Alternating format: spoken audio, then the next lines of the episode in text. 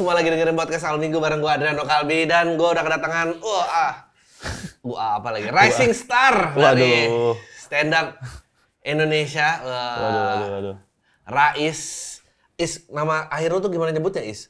Mara- Mara Marasabesi. Marasabesi. Marasabesi. Ma Rais Marasabesi. Rais Marasabesi belakang. Ya, dia nih mau ngadain tour spesial yang judulnya You Rise Me Up. Betul. You Rise Me Up. Mungkin boleh dibacain dulu info-info pentingnya. Info-info pentingnya, Iya. gue bakal bikin tour di enam kota bang. Ah. Enam kota ada di Bali, kota pertama. Di kota keduanya itu ada Medan. Terus kota berikutnya ada Jogja, lanjut ke Surabaya, habis itu Bandung, finalnya Jakarta. Uh, info lengkap lu bisa lihat di IG-nya Rais Marsi ya. Eh, Iya, Rais Marsi, double S. beli tiket di mana? Di loket.com. Loket.com. Luar biasa. Ini gua is, lu tuh salah satu yang Cia, puji-puji senior. Puji-puji senior katanya ah, lebih menyenangkan daripada ini ya, sold out ya. Nggak? itu yang paling pertama sebenarnya. Puji senior, dapat respect, sold out belakangan. Iya. Makanya banyak jarang yang berkembang kan. Ya Allah. dipuji doang seneng. Malah kalau nongkrong jadi langsung berdiri lagi karena harus kasih tempat duduk kan. Iya bang. Duduk bang, duduk bang gitu.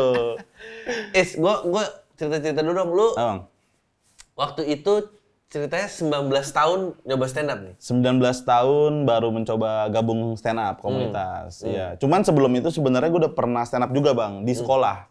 Oh, oke. Iya, jadi di sekolah tuh gue pernah stand up gara-gara eh, apa ya? Ujian praktek seni budaya kan biasanya kan ada prakteknya tuh. Terus Gue aslinya gue nyanyi. Oke. Nyanyi. Terus teman-teman gue bilang kayak, "Is lu stand up aja stand up." Akhirnya gue stand up lah. Pas stand up kata gurunya, "Bagusan ini." Ya ampun. Dibikin pede. Iya. Dibikin pede gue akhirnya. Dari situ gue pertama kali stand up sebenarnya. Padahal mewakili Ambon Pride itu kan kalau nggak scary merdu ya dia. iya bener. iya. Masalahnya gue nggak dapet merdunya. Iya. Nggak dapet merdunya. Nggak dapet merdunya. Nggak dapet gue merdunya gue. Terus nyoba-nyoba stand up. Nah, lu mulai lu tadinya lulusan SMK. Lulusan SMK bener. Terus lu bilang ke orang tua lu, ah gua nggak mau kuliah gitu. Ya sebenarnya, aduh anjir Kalau sebenarnya- gua pengen tahu nih cerita-cerita mengejar fame ini nih. Mengejar mengejar fame. gua lulus kan 2016 Ah. SMK. Terus gua janji sama nyokap gua, gua pengen istirahat dulu setahun, Hmm. baru gua kuliah. Oke. Karena orang tua gua pengennya gua kuliah tuh. Akhirnya ya udah kata nyokap ya udah istirahatnya dulu setahun. Terus gua minta di Alasan istirahat apa dulu? capek aja belajar mulu, kayak pendidikan mulu, ya ampun. Ya, pendidikan Hidup masih panjang anjing. Terus ya, ya kan pede dulu aja kalau gue kan prinsipnya kan. Akhirnya gue bakal kuliah tapi beliin gue motor buat mobilitas, buat mobilitas kuliah. pinter ya. Terus Pinter. Akhirnya dibeliin lah motor gue Iya. sama nyokap gue. Dapat motor, sama setahun nganggur pakai motor itu. Di tahun berikutnya ditagih dong gue, ya kan Iya. ditagih kayak ya udah mulai kuliah kapan? Udah akhirnya mulai nyari-nyari formulir kuliah, kuliah, kuliah. Terus bilang nih formulir udah dapet, daftar. Terus males tuh sebenarnya karena setahun nganggur udah keburu males kan kayaknya kan. Biasanya kan alasan-alasan itu kalau nggak nganggur ya kerja, Iya. ya kan untuk alasan nggak kuliah. Akhirnya keburu malas gue bilang pendaftaran udah ditutup. Oh, oke. Akhirnya udah. Tipu-tipu aja padahal sebenarnya. Tipu-tipu aja. Akhirnya nyokap gue marah, anjir motor udah dibeli lu malah nggak kuliah ya kan. ngomel, ngomel nyokap gue gitu. Bokap nggak ngomel? Bokap, bokap sih nggak ngomel sih, nyantai-nyantai aja. Lebih ke nyokap sih karena mungkin orang tua dulu kayak gitu ya. Kalau misalkan dia punya cita-cita nggak kesampaian harus diturunin ke anaknya. Iya. Nah cita-cita orang tua gue cuma kuliah sesimpel itu. Iya. gitu. Lah emang nggak sekarang Ambon siapa? Bokap. Oh bokap. Ambon bokap nyokap Tapi bokap lebih diam malah. Enggak. Stereotyping banget gua anjing. Enggak, diem cuma mukul juga. Iya. ya maksudnya keras, orang tua gue cukup keras sih. Iya, orang tua gue cukup iya. keras ngedidik gue gitu. Jadi ceritanya harapan kuliah karena orang tua nggak berkuliah. Orang tua nggak nggak berkesempatan kuliah, jadi pengennya anaknya kuliah. Iya gitu. Jadi Terus akhirnya- lu nggak kuliah? Enggak. Iya. Ya maksudnya kan semua yang diharapkan kan belum tentu bisa kesampaian. Iya. Iya kan, ngapain gua Lu harus- argumen gini sama orang tua. Aku juga nggak, bukan aku kok yang minta dilahirin. Kenapa jadi aku harus gitu sih. kuliah? Maksud gue, gue nggak ngomong kayak kita dipukul. Iya. lagi ngomong kayak gitu. Tapi iya sih, gue juga orang tuanya masih kayak gitu. Maksudnya bokap gue tuh masih SMA, gue juga kayak mungkin kalau dari yang ponakan apa sepupu-sepupuan gitu mungkin kalau masih lima yang pertama kali ya yang kuliah. Iya. Enam iya, iya. Maksudnya nggak nggak semuanya Nggak gitu semuanya bisa. up. heeh. Nah terus lu pertama kali mulai oh, oke beat apa yang pertama kali lu Iya. bilang kayaknya kayaknya gue bisa jadi stand up comedian. Beat apa ya? Heeh. nggak tahu gue gue cuma satu ingat salah satu beat gue yang dulu Eh. yang masih punchline punchline eh nggak tahunya yang kayak gitu gitu Eh. jadi kayak gue kan dulu nganggur beat gue kayak kurang lebih kayak eh gue tuh orang eh, jadi pengangguran tuh serba salah Ya. ngapain aja salah Ya. apa namanya eh, di rumah salah keluar rumah salah Hmm. makan juga salah ya lo gue makan di pala bapak gue kayak gitu Iya. tuh jokes jokes yang ah, Eh. kok bi- bisa kepikiran orang kayak gitu, Iya. gitu. Terus mulai kayak, oh gue kayak mulai tahu nih. Gitu. Heeh. Mulai, oh gue tahu nih cara berkomedi nih gitu. Kayak ini nih joke yang lu, lu menurut lu Hmm. solid dan masih kayak lu banggakan. masih dibanggakan ya. Mungkin gue kayaknya ngerasa gara-gara udah mulai rapih nulis materi karena gue baru gabung komunitas stand up, terus eh, ada kompetisi internal. Nah di Ah. situ tuh lah gue mulai belajar kayak oh nulis yang bener tuh ternyata begini, Ah. bikin set up punchline yang bener tuh kayak gini gitu. Kayaknya dari situ kompetisi internal baru udah mulai memahami cara nulis, baru punya beat-beat yang eh, dengan tematik-tematik kayak gitu. Si apa namanya mulai bareng Radit? Mulai bareng Radit tuh setelah suci, persis setelah Oh. suci. Lu suci berapa? 9, 1X. Oke, terus? 1X. Gua 1X, keluar kan 9 besar. Eh, Keluar 9 besar, yang ngumumin Radit waktu itu. eh. Eh, jadi taping malam itu Radit ngumumin gue keluar, Hmm. mental gue kena sebenarnya. Uh. Mental udah kena kayak anjing gue kayak bukan stand up nih jalan gue gitu kan mau ngapain. Ternyata bapak gue bener nih mukul gue. Bokap gue makin pede nggak sia-sia gue pukul. Iya. gitu kan. Udah eh, nyampe karantina di hotel, gue bingung kayak anjir kayak gue bakal vakum dulu sebulan untuk nggak stand up tadinya. Hmm. Nyampe Cie. karantina, Anjing lu kuliah vakum, stand up vakum, anjing mana sih? Iya, problematik kan. Sampai karantina akhirnya gue langsung dihubungin ternyata sama salah satu orang Bang Radit, Ah, si Mbak Puput. Dia bilang, "Is, ditanya besok kosong nggak?" Hmm. Maksud gue kayak tadi baru syuting yang ngomongin keluar kan bos lu masa ditanya kosong apa enggak udah pasti kosong kan udah close mic kan. Pakai bahasa basi maksud gue bos lu yang ngumumin lo tadi lo pas taping lo. kayak kalendernya penuh aja gitu. Iya, seakan-akan kayak beres suci udah ada Iya. udah ada job aja anjing. Gue bilang kosong mbak, kenapa? Terus bilang Radit minta lu datang ke rumah untuk ngedevelop skrip akhirnya, Hmm. develop skrip web seriesnya dia. Hmm. Udah dari situ gue datang ke rumahnya dia ngedevelop skrip eh, web seriesnya dia. Setelah dari develop itu Radit ngomong sama gue kayak bilang, eh, is setelah dari sini lu ke mana? Gue bilang kayaknya gue nggak ke mana-mana dulu bang, kayak pengen apa namanya ngebalikin dulu, ngebalikin dulu buat semangat stand up-nya lagi kan. Hmm. Radit langsung bilang, gue lagi butuh kreatif nih, lu mau nggak sama gue join gitu untuk bagian komedinya? Oh ya udah mau, langsung sikat, gue gas. Lu mendingan eh, juara nggak ditelepon Radit apa nggak juara tapi ditelepon Radit? Nggak juara sih. Ngapain kalau juara minta- orang juara juga berharap dipanggil ke konten Radit anjing.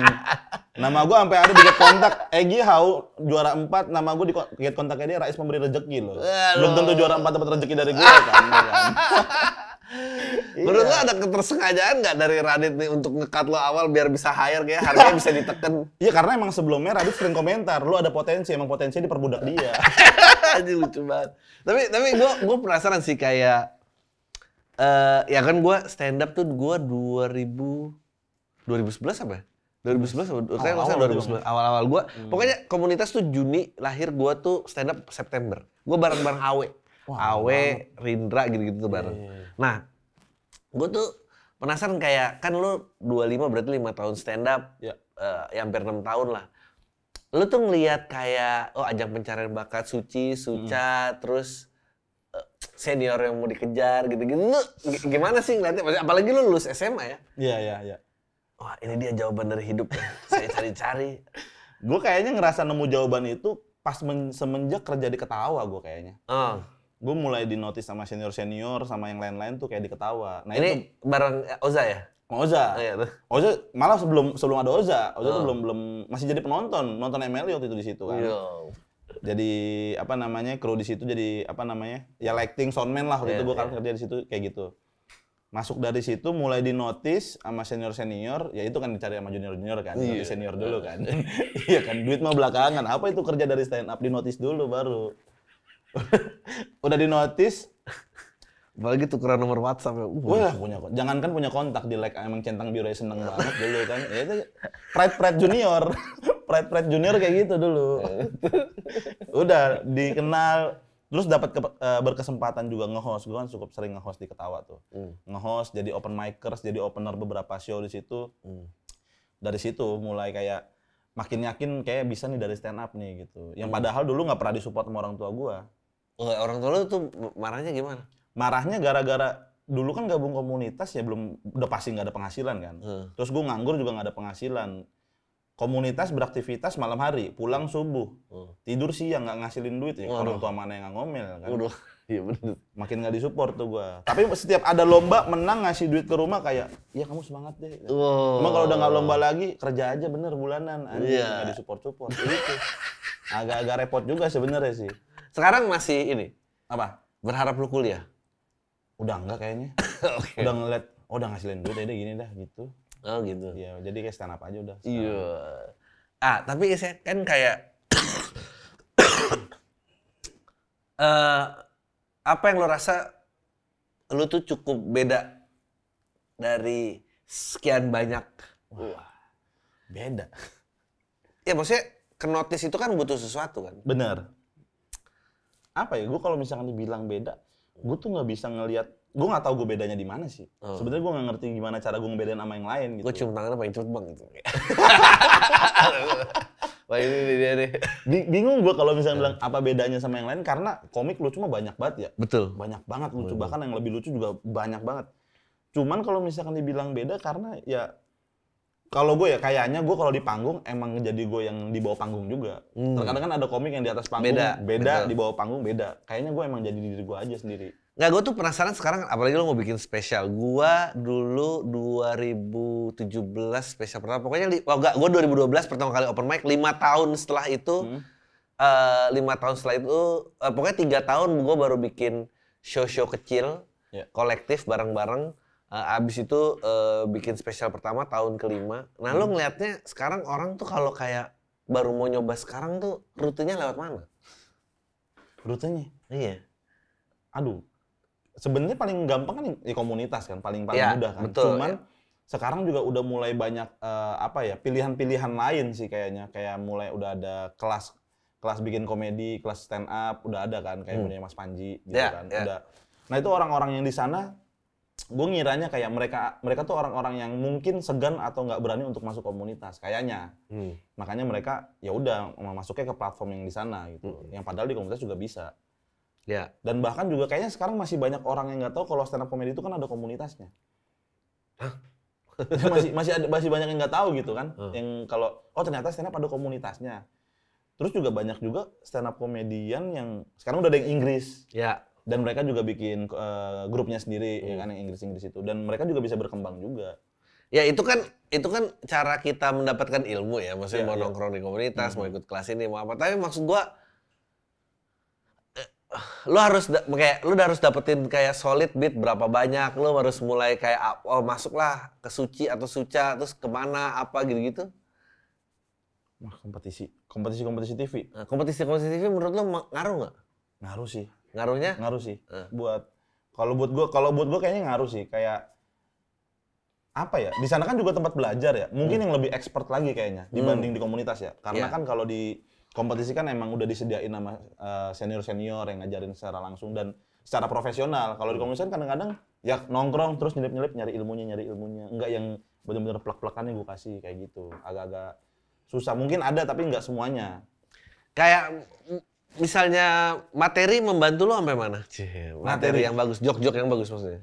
jokes yang bagus Hmm. kayak gimana tuh maksudnya bang Maksudnya itu gua. maksudnya eh, lu kalau lucu udah pasti harus lucu lah ya udah maksudnya. pak stand up comedian udah pasti harus lucu sih Iya. iya Karena ka- berarti yang nggak nanjak tuh yang nggak nanjak gimana yang nggak lucu apa gimana nih Enggak, gue tuh ngeliatnya kayak kalau gua waktu itu eh gue cukup beruntung gua ya terutama jadi waktu itu kan Juni bikin dan itu udah langsung suci satu. Nah gua tuh nggak nggak ikutan suci satu, tapi Oh, tapi mereka latihan pas mereka latihan itu dijadiin ajang open mic yang gua sering ikutan di sana. oke Ah. ikutan di sana. Dan waktu itu kan ya siapa Panji, Ernest, ya Radit juga kadang-kadang masih naik meskipun dia udah ngejuri gitu. Terus Mhm. eh Mo Sidik, eh, Akbar, maksudnya em, dan mungkin waktu itu selain gua yang beda yang beda yang nggak masuk ke situ mungkin eh, Semi, om saya Om Sam gitu. eh. nah itu tuh masih gampang menurut gua. Ngerti nggak lo? Mhm. Kayaknya gua kalau ikutan sekarang juga nggak dapet ya kayaknya. kenapa kenapa nggak dapet Karena eh gue nggak tahu eh, harus lewat mana dan harus misalnya deket sama siapa terus kayak eh, Hmm. terus nggak gini oh terus dulu orang-orang tuh ya ini naik turun sih masanya Iya, iya. jadi kayak orang biasa tuh datang loh ke open mic Ya, Ya, sekarang kan udah nggak ya udah mulai capek udah iya mulai jarang sih, jarang Iya, sih. jarang. Datangnya ke show aja biasanya malah kayak gitu sih. Hmm. nah lu nah, oke sekarang lu ini ini ini Radit sekarang mau spesial Hmm. Eh, lu kan KOL juga kan, maksudnya lu konten kreator lah. Ya, bikin berapa? Nah sekarang mana yang lebih penting mana? Wah. Lebih penting mana? stand up apa jadi konten kreator? Gua kayaknya stand up sih. Lu kayak stand, buat misalkan- stand up? Iya, gua kalau misalkan dipilih kayak lu konten kreator apa stand up, gua lebih proper ke stand up sih. Iya gue. Gua karena kalau konten ya, gua masih rasa malas gua lebih gede dibanding Hmm. dibanding nulis stand up ya. Stand up tuh kayak lebih beda aja. Hmm. Dan responnya secara kan langsung kan kalau stand up kan. Gue lebih seneng itu dibanding kayak komentar-komentar ya seneng, cuman kayak lebih lebih asik langsung aja gitu. Jadi komentar komentar. Katanya maksud gua eh, untuk misalnya kayak lu nih mau jualan, lu mau jualan tiket gitu, lu Nah. ada berapa kota ini, lu lebih gampang promosi itu lewat stand up lu orang-orang kenal oh Rais Joki gini gini gini Ya. atau lu aktif di sosmed Stand up sih. stand up Masih stand up. Ah, masih stand Nah up. itu gue kemarin baru gue terapin tuh, baru buat minggu lalu. Hmm. Gue tampil di Bandung, acaranya Zawin, Hmm. untuk ngepromoin ini, Hmm. eh, untuk promo show gue juga. Dan setelah dari situ ternyata orang langsung ngeliat langsung ngeliat dan efeknya sangat besar. Dan di Radit pun kan gue juga cerita eh, cerita cintaku kan juga sering ikut tuh kemarin, hampir semua show-nya ikut. Dan dari situ juga banyak juga yang karena bergesekan larinya ke gue. Hmm. Dari situ sih kayaknya emang harus stand up kalau gue Hmm. dibanding dari eh, digital platform juga mempengaruhi cuman kayak lebih besar stand up langsung Hmm. kalau gue gitu sih Lu eh, kayak menurut lu yang yang selifting yang lu rasa wah ini juga mestinya berikutnya nih bang gitu. ya gimana Yang berikutnya bisa jadi gitu. yang berikutnya bisa jadi Eh, yang mestinya oh dia mestinya udah bikin spesial nih orang ini. si orang ya Heeh. siapa ya Nggak ada ya? bingung juga sih gue Bingung ya? karena semua yang teman-teman gue malah udah bikin malah gue yang telat Oh, lo yang telah. malah gue yang telat sebenarnya show ini pengen dilaksanain tuh tahun lalu eh eh, tahun lalu cuman karena nggak bisa akhirnya gue tunda di tahun ini di tahun ini harusnya jalan Ba Bapak lu lu undang nggak? enggak Nggak. masih Jangan. jangan sih jangan sih Materi kurang setengah. Hah? Materi kurang setengah. jangan sih, jangan sih. Maksud gue mereka udah tinggal di rumah, ada duitnya ngasilin buat mereka, ya udah jangan nonton apa yang gue bahas. Iya. Nggak, tapi gue gue beneran pengen nanya sama lu kayak orang kalau baru mulai, oke tadi gabung komunitas atau ikut kelas stand up comedy, terus ke mana? Serajin-rajinnya open mic aja. Menurut lu cara itu masih efektif? Ma- masih, gue orang yang kayak gitu soalnya dulu. Bang. Iya. Gue ngerasa, gue kan nganggur kan, tujuh hari yang ada kerjaan, ya mau ke mana lagi kalau nggak stand up. Gue selama tujuh hari, itu gue tujuh tujuh harinya itu open mic keliling. Hmm.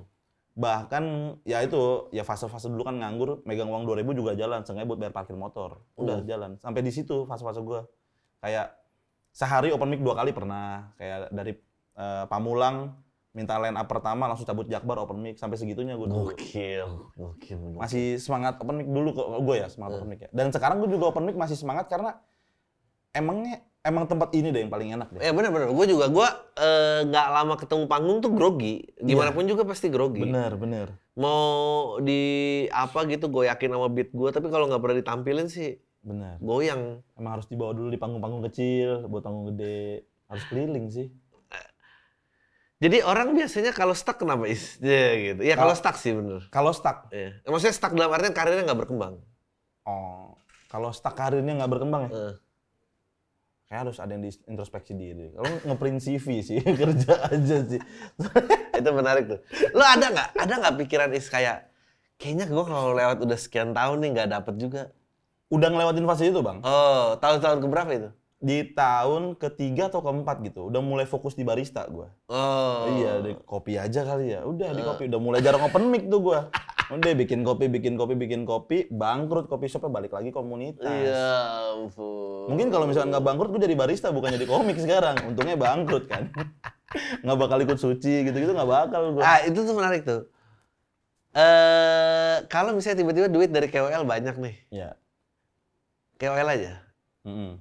apa masih mau bikin tour apa-apa gitu? Masih, Masih. masih. Gue punya, nggak tahu prinsip gue kayaknya emang stand up nggak bakal bisa gue lepas sih. Nah. Pun kalau misalkan udah kayak besar di KOL atau uh, content creator, gue stand up-nya kayak tetap akan lanjut gitu. Nggak tahu kayak ngerasa, gue tuh ngerasa seneng di panggung gue. Gue Iya, orang yang seneng di panggung. Dan alasan gue cabut dari Radit, kan banyak juga yang nanya waktu itu kayak, lu kenapa cabut dari Radit? Padahal semua komik juga nggak punya kesempatan yang bisa bareng sama Radit kan. Ya alasan gue adalah, gue pengen ngejar di depannya. Di belakangnya ya gue belajar di sana selama setahun. Cuma gue pengen ngejar di depannya. Nggak, Keren. nggak semata-mata gue pengen di belakang terus takutnya malah kejebak terus nyaman anjing teman-teman gue malah makin jauh Lo bilang apa ke Radit? Bilangnya gimana waktu itu? ya gitu persis gue ngobrol gue ngobrol makanya- berdua kayak bang gue kayaknya pengen ngejar di depan deh gue kayak udah cukup di belakang gitu Hmm. terus bang Ra- ya bang Radit bilang ya udah Le, dia malah ngomong kayak lu kenapa nggak ngomong dari awal Hmm. kalau misalnya lu ngomong dari awal pasti lu udah gue bakal taruh posisi di mana yang lu mau Hmm. soalnya bang Radit ngiranya gue kan emang Ah sembilan besar nih nggak jadi apa-apa. Mungkin itu salah satunya. mungkin kan yang tahu ya pola pikir orang. Tapi sih dia bilang dia emang pengen ngejadiin gua eh, sesuatu dengan cara belajar dengan menulis, Hmm. dengan menulis. Dia kan emang kan penulis kan. Hmm. Dan makanya nge-hire gue emang dia tertarik sama gue untuk eh, buat ngejadiin gua nulis yang bener gimana. Emang bener diajarin banget gue sama dia dan Hmm. sangat efektif dan banyak lah ilmu yang gue dapat dari dia. Hmm. Cuman balik lagi setelah gue selama setahun, gue kan yang ngundang-ngundang komik-komik kan gue yang Hmm. yang invite kan kayak, eh lu kosong nggak, kosong nggak, kosong nggak. Tapi selama syuting gue liat kayak anjing gue di belakang layar, teman-teman gue di depan layar, gue juga pengen. gitu. Oh, oke. Ada rasa iri di situ sebenarnya kayak anjing temen gue makin melesat, gue di sini-sini aja, takutnya gitu. Eh, komedian yang lu kejar siapa? Komedian yang gue kejar. Sejujurnya gue selalu nempel sama tiga besar sih. Tiga besar di season gue ya. Iya. Rio, Ali, Ate. Gue nempel tiga itu mulu. Nah, itu itu titik yang lu kejar. Nah, maksud gua yang lu kejar dalam artian eh, karir, kalau karir yang ideal yang lu dambakan tuh lu bayanginnya kayak apa? Kayak kayak Radit deh. Kayak Radit ya. Radit sih. Nah. Radit sih dia, dia anjir gue nggak ngerti ya.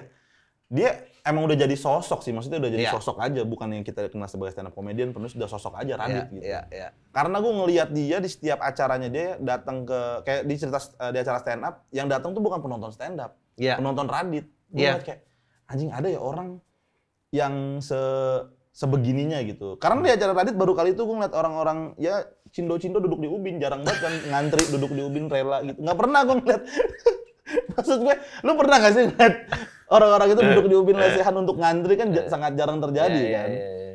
Jadi Radit gue ngeliat secara langsung kayak, wah anjing Radit sebegininya ya, gitu. Nah, memang benar. Gua gua kemarin ngobrolin sama siapa? Sama Aldo apa kalau nggak salah?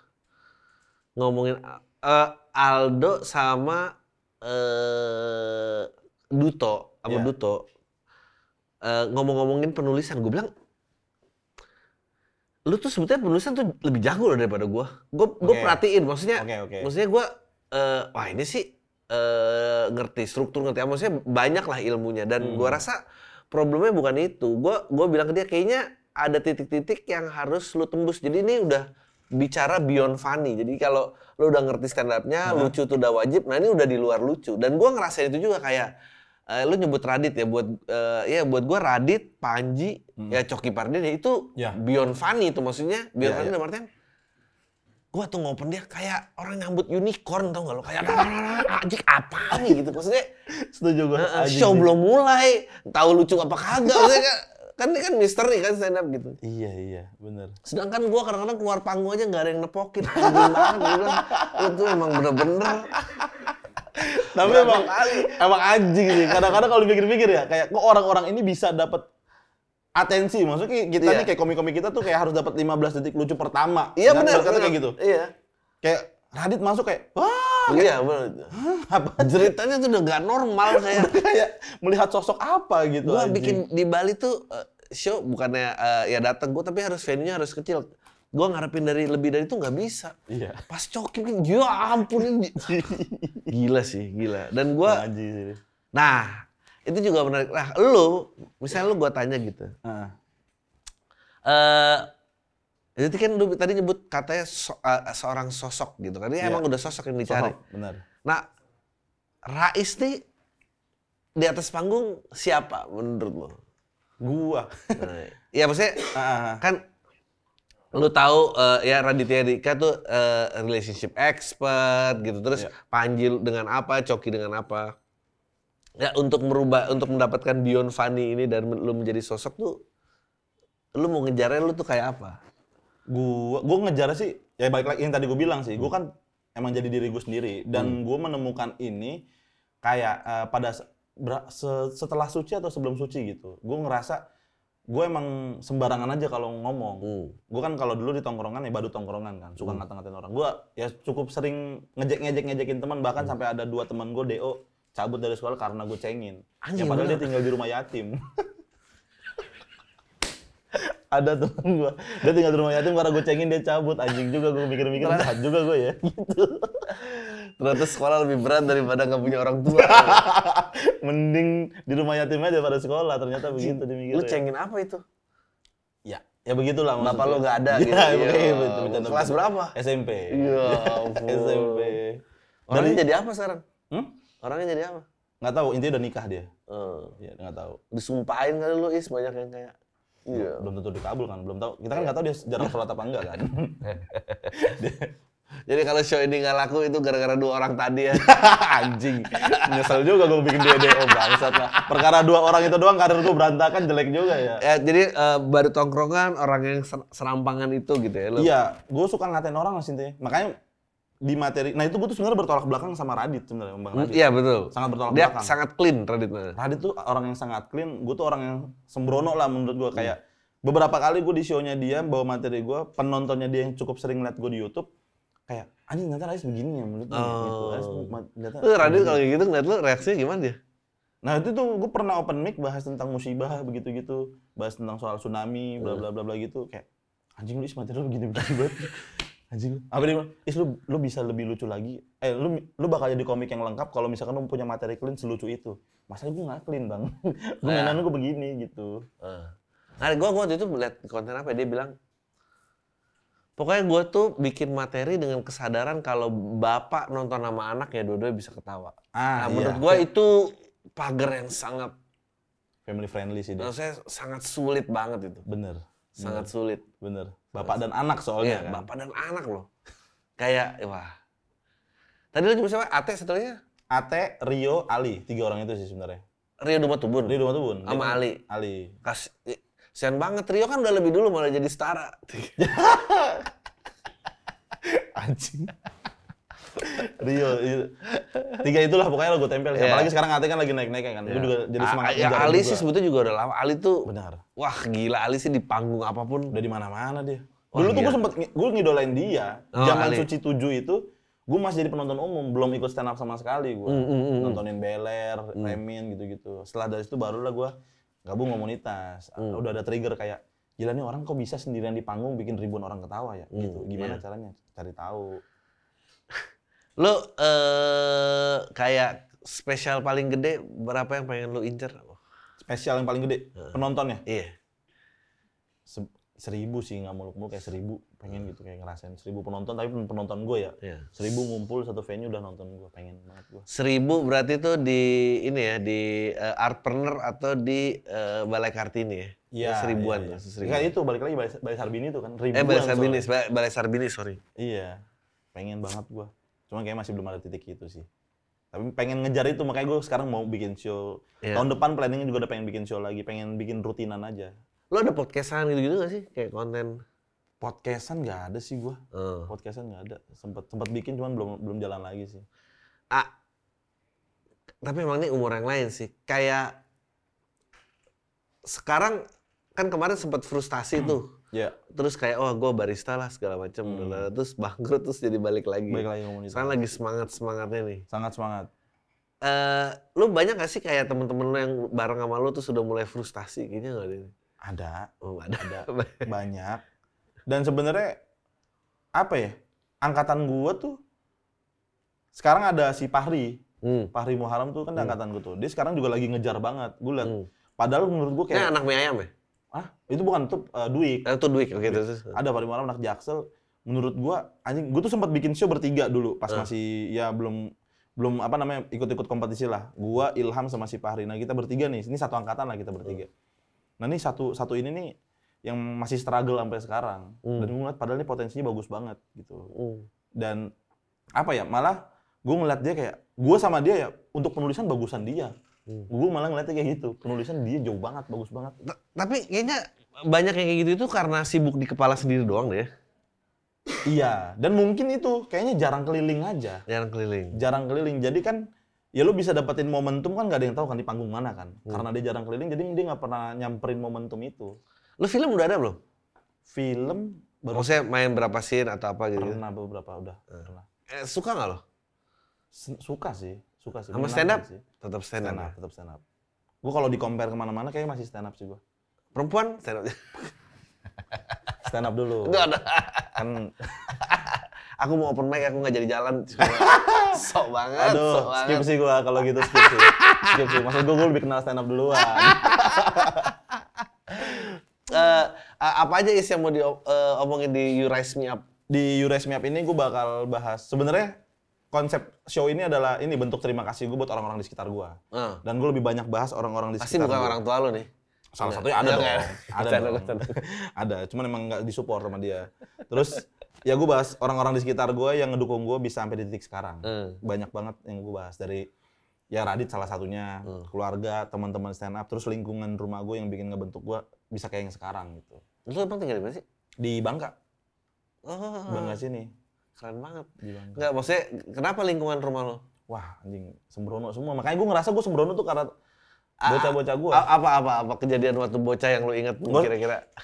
di rumah gue tuh ada tukang parkir buntung Nah, tukang parkir buntung Kakinya. kakinya Du- dua-duanya dua-duanya? dua-duanya buntung cuman jadi Oke. tukang tukang parkir Alfamart maksud gue respect gue masih mau kerja cuman kan ada resiko kelindes Pajero Sport kan kalau mundur kan ya terus terus terus nggak kan? ada kita kan nggak ada tahu maksud gue resiko itu ada tapi gue respect dia masih mau parkir gitu yang kayak gitu-gitu suka dicengin dan teman-temanku tuh manggilnya nama dia Patur tapi kita manggilnya Tamiya kenapa? karena kecil tapi gesit gitu Ya kecil gesit gitu. Lah emang dia geraknya pakai apa? Nggak, Gitu, itu pakai tangan. Enggak nyeret di dengkul, Nyeret, nyeret, oh. pakai sendal buaya. Makanya kalau deketin dia, awas ada buaya gitu.